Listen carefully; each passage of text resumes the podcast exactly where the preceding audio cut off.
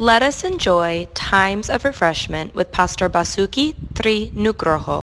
Shalom, Lukas 2 ayat 52. Dan Yesus makin bertambah besar dan bertambah hikmatnya dan besarnya, dan makin dikasihi oleh Allah dan manusia.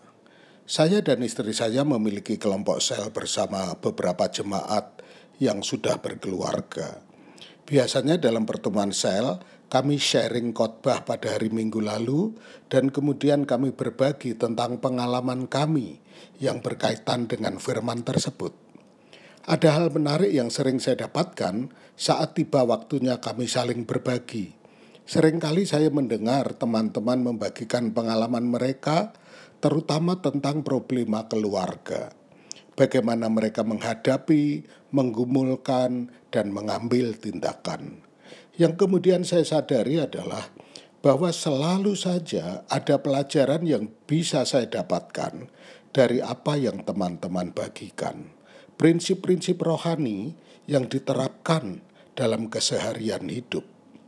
Kita memperoleh wawasan ketika kita mendengarkan mereka yang telah mengalami sebelumnya dan yang tahu lebih banyak daripada kita. Wawasan yang kita lewatkan ketika kesombongan kita menghalangi kita dapat belajar dari orang lain jika kita merendahkan diri dan mengakui betapa sedikitnya yang kita ketahui. Kesediaan untuk belajar adalah ciri dari orang yang benar-benar bijak. Pertimbangkan Tuhan ketika masih sebagai seorang muda.